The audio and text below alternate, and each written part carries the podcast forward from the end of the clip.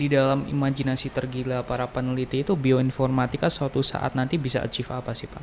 Kalau kita bicara imajinasi terliar itu bisa menciptakan utopia atau distopia nih kan.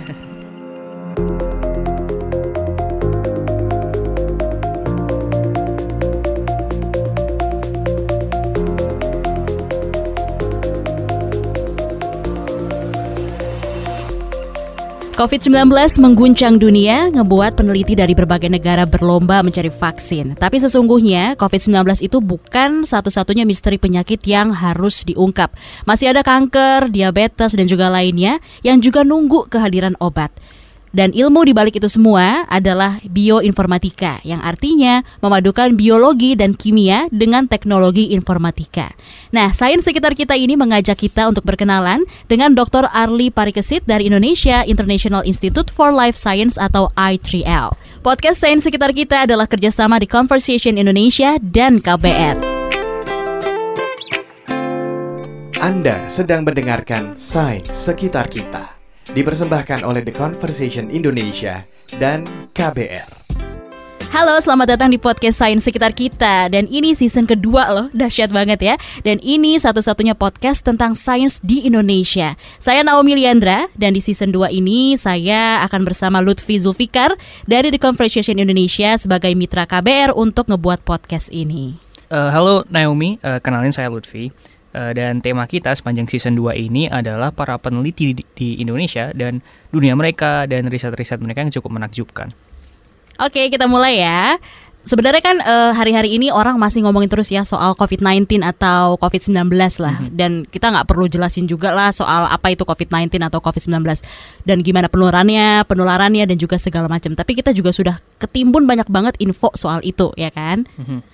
Oh ya, eh, nah ngomongin tentang eh, COVID-19 ini ya, pandemi ini tuh sebenarnya juga jadi tantangan baru yang yang harus di yang cukup challenging untuk umat manusia, mulai dari eh, pemahaman kita tentang virus Yes. ini gimana bekerja. Ya walaupun ada kemiripannya dengan apa eh, SARS dan beberapa jenis corona- coronavirus yang sebelumnya, tapi eh, kayak strain baru ini juga membuat kita harus berlomba-lomba untuk misalnya mencari vaksin yang baru karena kan entirely eh, different eh, virus juga ini sebenarnya hitungannya. Betul. Tapi eh, kalau dipikir-pikir kalau enggak seperti itu kan bakal berkepanjangan juga ya dan Mhm. kita nggak bakalan mau lah terus-terusan berada di situasi kayak sekarang gini ya kan? Ya, ya, ya. Eh, dan salah satunya juga yang yang hitungannya apa ya eh, cukup berperan juga dalam usaha untuk mencari eh, vaksin untuk eh, COVID-19 ini. Dan sebenarnya nggak cuma eh, vaksin dan obat untuk COVID-19, tapi juga banyak banget eh, penyakit di luar sana, mulai dari eh, cancer dan eh, beberapa penyakit-penyakit yang lain itu adalah suatu cabang ilmu dalam Mhm. biologi dan medical science yang dinamakan dengan eh, bioinformatics. Tahu nggak Naomi eh, bioinformatics itu nah, apa? ini nih bioinformatics eh, mungkin nggak terlalu detail ya, cuma eh, mungkin menurut aku ini penggabungan antara biologi sama informatik. Mungkin nggak sih? Cerdas sekali ya. oh, of course. coba coba eh, Lutfi jelasin deh lebih detailnya gimana tuh? Em, ya, jadi eh, kalau misalnya kita zaman dulu nyari obat itu kan Mhm. eh, mungkin caranya masih eh, cukup sederhana ya untuk memahami tubuh kita itu kan Mhm. eh, mungkin eh, di lab mungkin masih cukup eh, ya sebenarnya saintifik tapi nggak secanggih zaman sekarang kan kalau ca- Mhm. zaman sekarang itu kita bahkan bisa sampai sangat mendalam sampai ke level eh, genom sampai ke level DNA sampai ke level yang kecil-kecil banget secara biologi di dalam tubuh Mhm. demi kita tuh bisa mempelajari jauh lebih banyak eh, tentang tubuh manusia, tentang Mhm. virus dan lainnya. Cuman Mhm. ketika kita eh, itu misalnya ekstrak eh, genom atau DNA atau apa gitu, Hmm. kadang data yang diambil tuh banyak banget gitu. Bisa skalanya gigabytes, bisa kalau banyak bisa petabyte dan seterusnya. Mhm. Dan kalau apa namanya cuma diingat-ingat sama manusia itu kan susah yang apa Iya. misalnya DNA itu kan panjang banget dan itu butuh komputer, butuh eh, ilmu informatika untuk kita bisa Hmm. entah itu storage, entah itu manajemen, entah itu parsing through information, entah visualisasikan dan itu perlu komputer. Nah, di situ bioinformatics itu masuk. In a nutshell kayak gitu sih Naomi. Tapi dengan dengan adanya obrolan kita saat ini semoga orang juga lebih paham gitu ya Lutfi ya. Hmm, dan itulah kenapa kita juga kemarin Hmm. salah satunya untuk coba lebih pelajari lagi. Iya. Kita ngobrol sama eh, seorang peneliti namanya Dr. Arli Parikesit. Nama saya Arli Aditya Parikesit. Jabatan saya di kampus I3L atau International Indonesia International Institute for Life Sciences ini adalah sebagai ketua Departemen Bioinformatika. Oh ya, kalau ngomongin soal data science in biology ini sebenarnya istilah baru sih menurut aku. Ini seperti apa sih, Lutfi?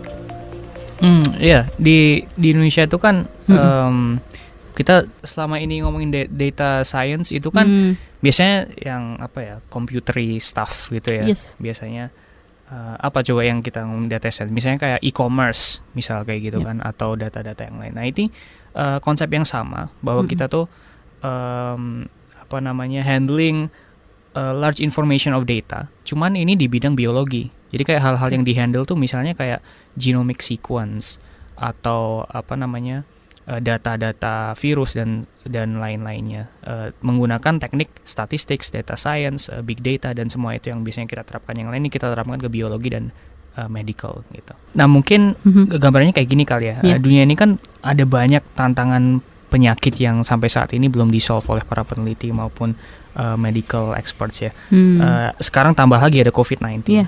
Nah, peneliti seluruh dunia tuh berlomba-lomba untuk membuat Vaksin. vaksin, terhadap ini. Mhm. Bahkan pemerintah Indonesia kemarin juga ngomongin konsorsium COVID-19 yang di bawahnya Kemenristek. Hmm. Uh, dalam upaya berlomba-lomba ini pendekatan dari berbagai ilmu itu diperlukan, ya kan? Mm-mm. Nggak hanya ilmu farmasi atau kedokteran konvensional, Mm-mm. tapi dengan kemajuan teknologi juga bisa dikombinasikan dengan uh, bidang yang lainnya. Di Indonesia sendiri jurusan ini tuh atau topik ini tuh baru akhir-akhir ini ter uh, dikembangkan di Indonesia. Jadi wajar kalau emang uh, banyak yang mendengar ini tuh masih asing gitu. Nah, Hmm. Dr. Ali Parikesit sendiri pun mengawali karirnya Iya. dulunya itu bukan directly in bioinformatics tapi dulu dari Oh. pendidikan FMIPA UI. kimia S1 dan S2 saya adalah kimia eh, dari FMIPA UI lulusan sana saya. Ini kemudian saya merasa bahwa eh, ilmu yang saya miliki eh, se- seyogjanya eh, di akan lebih lebih bisa berbunyi lah istilahnya untuk menyelesaikan permasalahan-permasalahan biomedical ya. Biomedis itu apabila saya mendalami ilmu komputer gitu. Jadi akhirnya saya mengambil S3 di di Leipzig University di Jerman eh, di tentang ilmu komputer ya saya mempelajari Oh, bioinformatics gitu. Jurusannya FMIPA lebih- gitu ya. Mhm. Oke, baik. Tapi kalau eh, diperhatikan ini berarti jenis peneliti yang multidisipliner gitu ya? Mhm, lumayan lumayan. Eh, lebih tepatnya dia ini eh, bioinformatics ini memadukan ilmu antara banyak-banyak ya kedokteran, Iya. ada eh, viral research, immunology, eh, molecular biology ke- Hmm. dengan sisi komputernya ada data science, ada big data dan and so on. Nah, eh, sekarang aku mau ngajak Naomi eh, dan pendengar kita untuk membahas bioinformatics ini secara lebih detail ya. Oh. Eh, mungkin pertanyaan terbesar kita yang pertama itu adalah supaya just to clear it out of the way, apa sih bioinformatics itu? Nah, betul.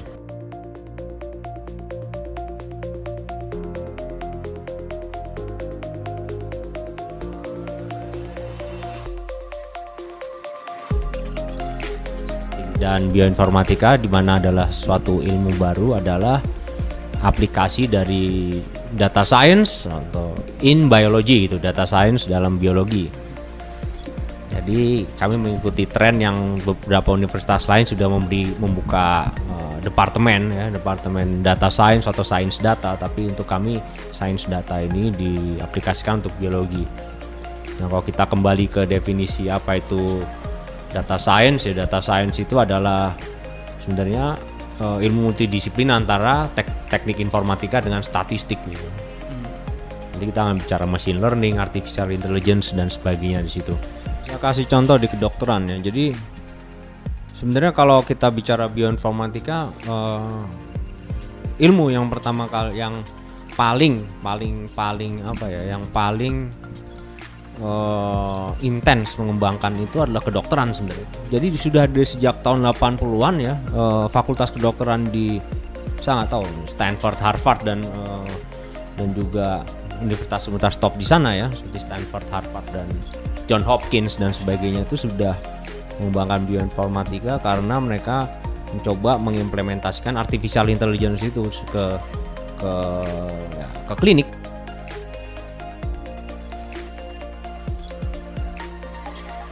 menggunakan AI alias artificial intelligence itu dari tahun 80-an. To be honest ya memang baru ngeh sih sama istilah kayak gini apalagi uh, sekarang era digital gitu kan. Tapi ternyata AI ini udah mulai diimplementasikan ke ranah klinik juga ya. Tapi sebelumnya sebetulnya buat apa sih fungsinya? Terus juga apakah dengan metode yang ada sekarang itu masih kurang juga? Uh, itu pertanyaan cukup menarik ya waktu uh, aku tanya kemarin ke dokter Ali, kenapa sih harus gunakan AI dan hmm. hal yang canggih-canggih itu ke dalam biologi dan juga kedokteran? Hmm. Uh, dokter Ali itu uh, menjawab, aku parafrasekan secara sederhana itu meningkatkan akurasi hmm. dan juga mengurangi workload tenaga medis gitu. Misalnya kayak gini nih. Robot agent yang bisa membantu melakukan remote surgery atau uh, operasi jarak jauh ya dan juga untuk dan bahkan mereka sekarang sedang trial uh, gimana supaya AI agent itu bisa melakukan operasi seindependen mungkin walaupun tetap disupervisi oleh manusia gitu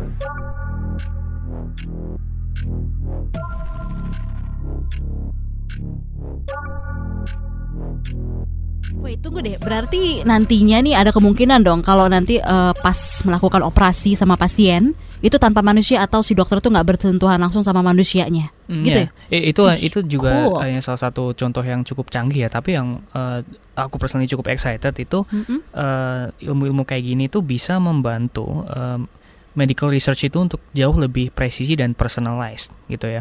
Kayak misalnya kita punya penyakit tertentu, walaupun sama-sama hmm. katakanlah kanker atau apa hmm. gitu ya. Um, karena kita bisa sampai ke level yang sangat dalam, ke level genom, level DNA, kita hmm. tuh bisa bandingin dalam skala bandingin antara satu orang dengan orang yang lainnya. Jadi nanti ketika kita develop medicine atau uh, treating disease, kita tuh bisa personal antara satu orang uh, dan uh, orang yang lainnya itu yang cukup exciting ke depannya. Tapi bahkan gak cuma itu aja. Hmm. Ada alasan lain kenapa bioinformatics ini bisa membantu dunia kedokteran banget. Hmm. Yaitu adalah hmm. kemampuannya dalam memproses data kesehatan dengan rapi, cepat, canggih bahkan sampai ke level yang sangat detail. Konvensional which is tanpa basis biologi molekuler yang mumpuni itu ternyata belum cukup untuk menyelesaikan permasalahan kesehatan yang ada ya. bahkan tidak hanya karena bahkan banyak sekali penyakit yang uh, masih belum bisa di resolve ya. Selain kanker jantung juga masih diabetes sekarang ada covid-19 ada. Makanya pada akhirnya mereka berpikir kita memerlukan uh, uh, basis molekuler ya menyelesaikan masalah ini gitu. Dan tidak hanya biologi molekuler akhirnya kan mereka melakukan banyak eksperimen itu. Mereka melakukan genome sequencing mereka melakukan oh, berbagai macam eksperimen di di lab itu dan setelah mereka melakukan berbagai eksperimen itu data yang mereka kumpulkan sangat banyak ternyata. Hmm. Kita udah bicara big data karena kalau big data itu kan skala. Tadi Lutfi sempat sebut genom gitu ya, tapi ini bisa dibilang jadi salah satu istilah asing yang sebenarnya banyak yang belum tahu juga, hmm. termasuk aku ngewakilin pendengar juga yang mungkin belum tahu genom. Coba Lutfi bisa jelasin nggak detailnya genom tuh kayak gimana sih? Hmm. Nah, uh, jadi um, apa ya kalau hal kita kan kalau misalnya Naomi kan punya KTP atau nomor paspor katakanlah yeah. itu sebagai unique identifier dari uh, Naomi dan dan beda dari orang lain kan. Mm -hmm. Nah kalau mungkin kayak KTP atau nomor paspornya alam semesta itu uh, eh, DNA kali ya mm, yang yes. unik di setiap uh, makhluk gitulah. Nah uh, kalau DNA itu full sequence-nya dari awal mm -hmm. sampai akhir DNA itu kan kayak isinya kayak huruf-huruf gitu A mm -hmm. uh, ada empat penyusun sih. Uh, empat zat kimia yang namanya A, T, G dan C. A, T, G, C, G, T, C, T. Kalau dipanjangin jadi panjang banget setiap setiap makhluk hidup itu beda-beda. Genom itu adalah uh, set tersebut secara penuh gitu dari awal sampai akhir itu itulah genom. Jadi kayak unique identifiernya uh, setiap uh, makhluk hidup di alam semesta. Oh, oke okay, oke. Okay. Tapi kalau dari pembahasan tentang bioinformatics itu tadi kan sempat dibahas juga ya di awal tentang data biologis. Mm -hmm. Nah, mungkin uh, kita bakal ngebahas kali ya tentang hubungan pengaplikasian si bioinformatics sama data biologis itu sendiri. Mm -hmm. Ya, yeah, um, mungkin sebagai bayangan kali ya, hmm. um, seberapa banyaknya sih data biologis yang harus ditangani itu. Um, saya mau ajak untuk kita berkaca sama kasus COVID-19 yang sekarang ini lagi menyita perhatian hmm. uh, kita ya. Hmm. Uh, sampel dan uh, data dari pasien dan sebagainya itu kan berharga banget ya. Salah satu negara yang uh, datanya cukup besar uh, karena testingnya kan banyak yeah. banget ya uh, terkait COVID-19 itu adalah uh, Korea Selatan. itu kira-kira ukurannya 4 GB. Dan sekarang kalau kita uh, mengetes untuk pasien COVID-19 itu ada untuk memvalidasi dia tuh positif ada dua tahap. PCR. Ya, pertama RT-PCR dan kedua genome sequencing. Itu standarnya lead bankes. Dan kalau kita bayangkan kita mengetes ada ser- ada 1000 pasien, itu ada 4000 giga, gigabyte atau 4 tera. Gimana dengan di Korea Selatan yang setiap setiap hari atau setiap minggu mengetes 20.000 orang? Ya udah sekian petabyte datanya. Jadi kita masuk ke realm big data di mana itu adalah bagiannya data Nah, science. tapi gimana sih sebenarnya cara eh, kita itu untuk memetakan genom eh, katakanlah misalnya manusia gitu yang ekstraknya itu gimana sih? Em, tadi kan eh, aku cerita bahwa satu sequence genom manusia terdiri itu kan dari 3,3 miliar angka DNA Yes. gitu kan. Nah, caranya itu ini sebenarnya sangat complicated dan akan terdengar oversimplified. Tapi pada intinya adalah Hmm. DNA dimasukkan ke dalam suatu mesin yang sangat sophisticated, kemudian dipotong-potong oleh mesin supaya bacanya lebih sederhana, kemudian Hmm. di sana ada involve enzim, ada ada yang namanya fluorescent tagging untuk mewarnai setiap angkanya supaya dibaca Hmm. oleh sensor mesin dan seterusnya seterusnya. Ini Setelah semua diproses, akhirnya komputer bisa kemudian membaca kayak gitu Eh, dari awal sampai akhir. Itu ini tulisan semua kalau misalnya dalam komputerisasinya A, C, T, G, T, G, A, T, G, C dan seterusnya sampai kalau manusia 3,3 miliar eh, angka. Dan kemarin misalnya Hmm. eh, untuk virus coronavirus yang COVID-19 ini Hmm. misalnya ya. Itu kemarin itu kan ditemukan Januari tanggal 7 ya. Oh eh, peneliti menemukan oh ini tuh eh, jenis coronavirus yang baru. Seminggu kemudian sequence-nya udah jadi. Udah Oh. dipetakan semua. Ya walaupun dia tentu lebih kecil dari manusia ya, nggak segede manusia, tapi dalam seminggu bandingkan dengan misalnya zaman dulu eh, coronavirus SARS tahun 2002 misalnya itu butuh dari sekitar November sampai April tahun berikutnya untuk fully sequencing. Ini kita kemarin cuma seminggu. Oh. Seberapa jauh apa eh, bioinformatics dan molecular biology kita udah maju gitu. Tapi itu bisa dibayangin aja kalau misalnya disimpan secara manual, mungkin itu bisa sebesar stadion kayaknya ya. Em, ini Naomi mau dengar nggak? Aku, eh, aku semalam Hah? eh, sempat wondering itu kira-kira besarnya seperti apa Oke, sih? gimana tuh? Eh, aku cari-cari Mm-mm. Uh, ada suatu website namanya yourgenome.org yang isi itu peneliti-peneliti uh, apa genomic sequence dari Eropa gitu ya. Hmm. Mereka bilang kalau 3,3 miliar angka uh, genom manusia itu misalnya uh, divisualisasikan kira-kira kayak gini. Itu akan sama dengan uh, tumpukan buku paperback uh, Iya. ditumpuk sepanjang 60 meter tingginya. Wow. Atau atau buku telepon yang Yellow Pages itu bahasa. Indonesia apa sih itu namanya? Uh, buku Eh, direktori telepon lah ya. Yes. Yang biasanya 500 halaman itu. Kalau uh, itu bisa ngisi 200 buku kayak gitu. Oh. Atau atau ada lagi. uh, kalau misalnya mau dibacakan satu-satu angkanya dengan kecepatan satu huruf per detik selama 24 jam sehari, butuh 100 tahun untuk bacanya. 100 tahun. 100 tahun. Atau atau ini terakhir nih. Kalau dijereng gitu ya. Panjangnya itu akan totalnya 3000 km. Jarak dari eh, kalau katanya ini dari New Delhi ke Hanoi. Wah, Sebesar itu. sebesar itu. Mungkin padahal kecil banget ya, tapi Hmm. kalau misalnya di ini ternyata gede juga ya hitungannya.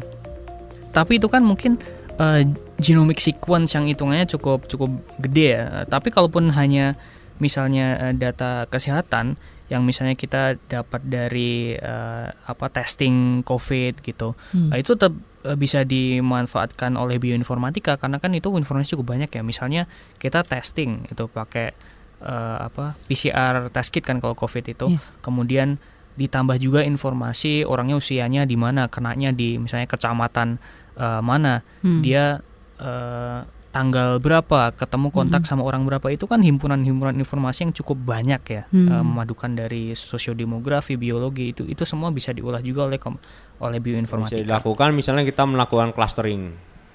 Clustering mana yang pos- mana pasien yang positif mana yang negatif gitu. Ini pasien ini berasal dari mana gitu. Ini informasi yang eh, di di Korea Selatan di Italia kan di share kan clustering ini pasien dari daerah mana gitu. Ini dari mana dari mana clusteringnya lengkap gitu kan kalau kita kan kan hal itu nggak di share kan. Jadi sistem informasi yang dari hulu sampai hilir dari dari kita mengambil sampel pasien sampai akhirnya part di mana penularan itu terjadi seperti yang terjadi di Korea Selatan atau Italia ada petanya oh ini di daerah ini bahkan ada berapa banyak itu. Nah itu adalah bioinformatics. Sains sekitar kita juga bisa Anda dengarkan di Spotify, iTunes, dan platform podcast lainnya.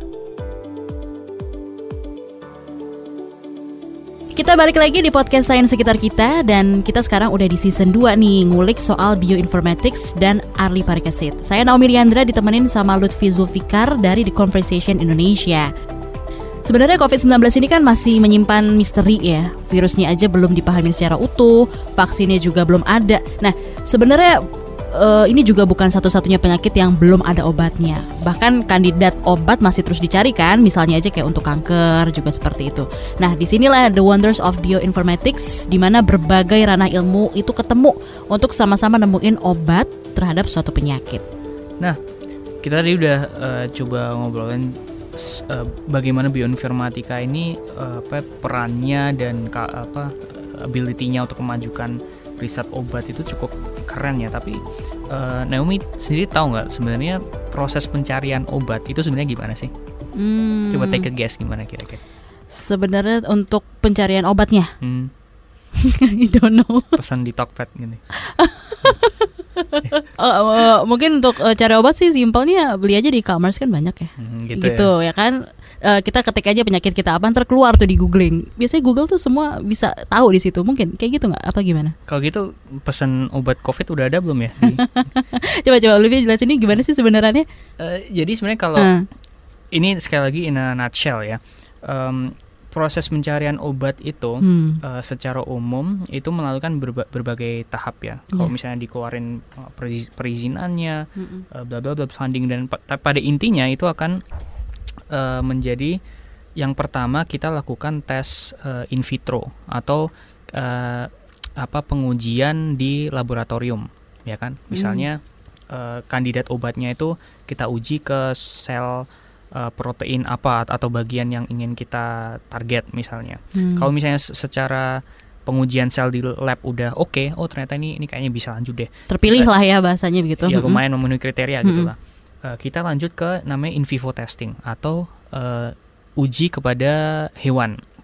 Okay. Dengan biasanya uh, kita pakai testing itu pakai monyet atau kadang pakai tikus atau tikus, apa ya. gitu kan walaupun ini sedikit ditentang oleh beberapa hmm. uh, kelompok misalnya PITA dan tapi uh, kebanyakan masih menggunakan in vivo testing. Kalau misalnya hewan udah oke, okay, udah hmm. misalnya uh, cocok lah kandidatnya bisa maju, hmm. baru kita masuk ke clinical trials yaitu kita coba ke uh, manusia. manusia kayak gitu. Okay. Dan ini pun ada kayak sub sub uh, prosesnya banyak banget tapi secara umum prosesnya kayak gitu. Nanti kalau clinical trials di manusia udah oke, okay, yeah. dapat approval dan seterusnya dan paten bla bla baru jadilah semua ya, baru itu masuk ke market dan bisa digunakan oh. kurang lebih kayak nah bioinformatics mhm, itu mm -hmm.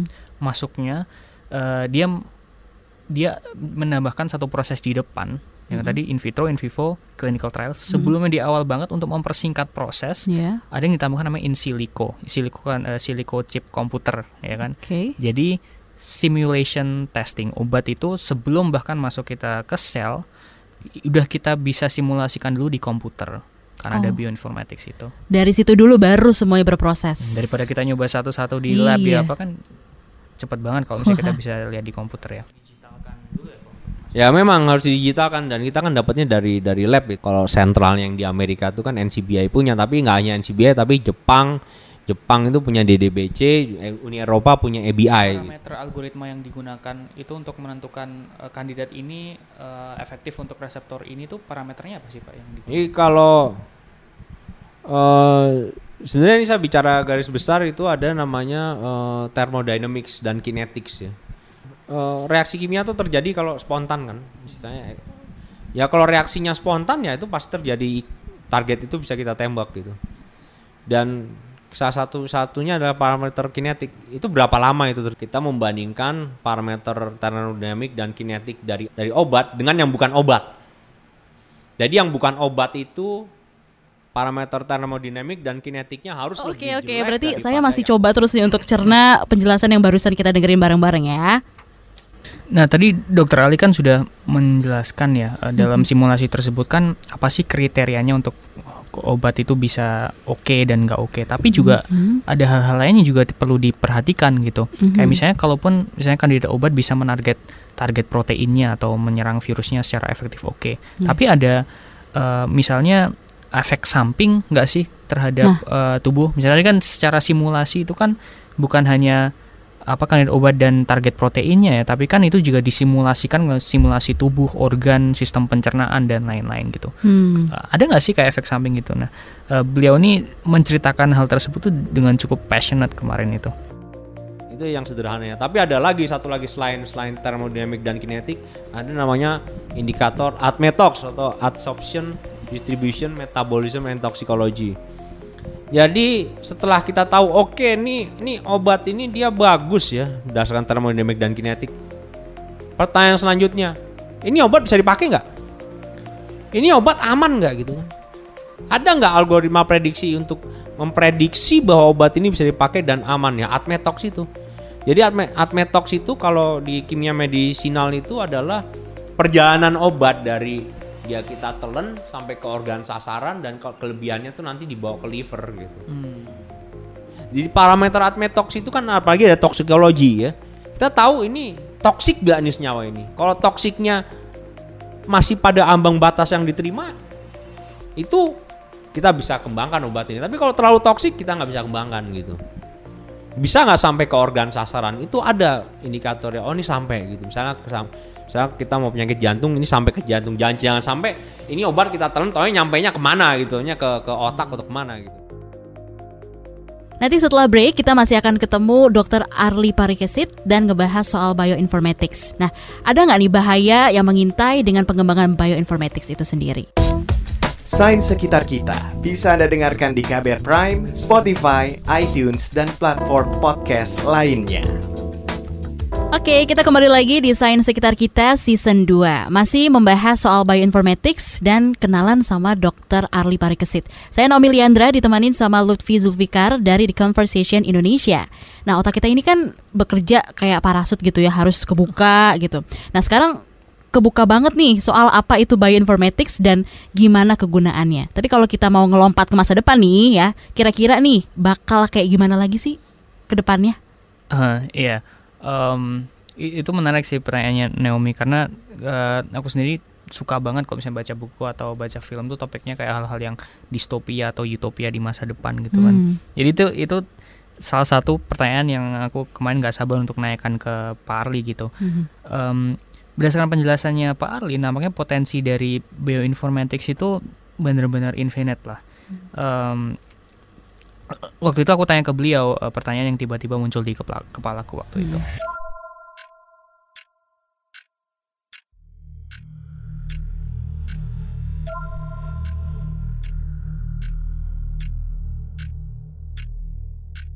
Di dalam imajinasi tergila para peneliti itu bioinformatika suatu saat nanti bisa achieve apa sih Pak? Eh, kalau kita bicara imajinasi terliar itu bisa menciptakan utopia atau distopia nih kan. Nah, kalau utopianya ya tentu yang baik-baik dong gitu kan. kalau kita bicara utopia ya artificial intelligence dia bisa menyelesaikan penyakit namanya COVID-19 itu udah nggak ada lagi dan apa eh, kanker mungkin bisa kita kalahkan. Ya, semua penyakit bisa kita kalahkan ya hidup kita bisa panjang gitu bahkan nanti ke depannya stem cell itu akan tersedia dengan mudah jadi misalnya ekstrimnya kuping kita kepotong langsung ganti tek jantung kita jebol langsung ganti tek Kalau pindah consciousness ke ya pindah consciousness nah itu bisa juga itu kalau udah film seperti ya banyak film itu Nah, tapi kalau distopianya apa dong berarti? Nah itu dia ya. Eh, sebagaimana nasib dari berbagai temuan sains lainnya, kayak misalnya nuclear science gitu. Bioinformatics itu juga punya juga berpotensi untuk punya cerita akhir yang cukup menyeramkan. kalau distopia tuh kita tahu sekarang ini ada suatu teknologi yang eh yang mematikan gitu ya. Dia berbasis artificial intelligence itu disebut sebagai killer robot. Kalau pernah dengar Dan ini sudah banyak beberapa universitas saya tahu udah membuat forum group discussion tentang ini, membahas soal ini. Jadi killer robot itu adalah suatu artificial intelligence agent atau robot yang didesain tanpa dengan supervisi manusia yang sangat minim bahkan tanpa supervisi sama sekali. Yang bisa mengidentifikasi musuh secara langsung. Asasinasi gitu ya. Iya, melakukan assassination ya atau uh, pembunuhan dan gak hanya itu tapi bisa kita aplikasikan di perang dalam perang perang skala besar sekalipun. Jadi perang di dunia masa depan itu adalah perang tanpa manusia. Ini robot-robot yang bertarung persis seperti persis seperti uh, kalau kita nonton ya katakanlah kartun-kartun Jepang gitu kan atau mungkin manusianya tetap ada tapi dia terlindung di balik uh, tebalnya tebalnya itu apa armor atau, Atau baju zirah iya, ya. cyborg gitu. Ya, itu itu imajinasi yang paling liar.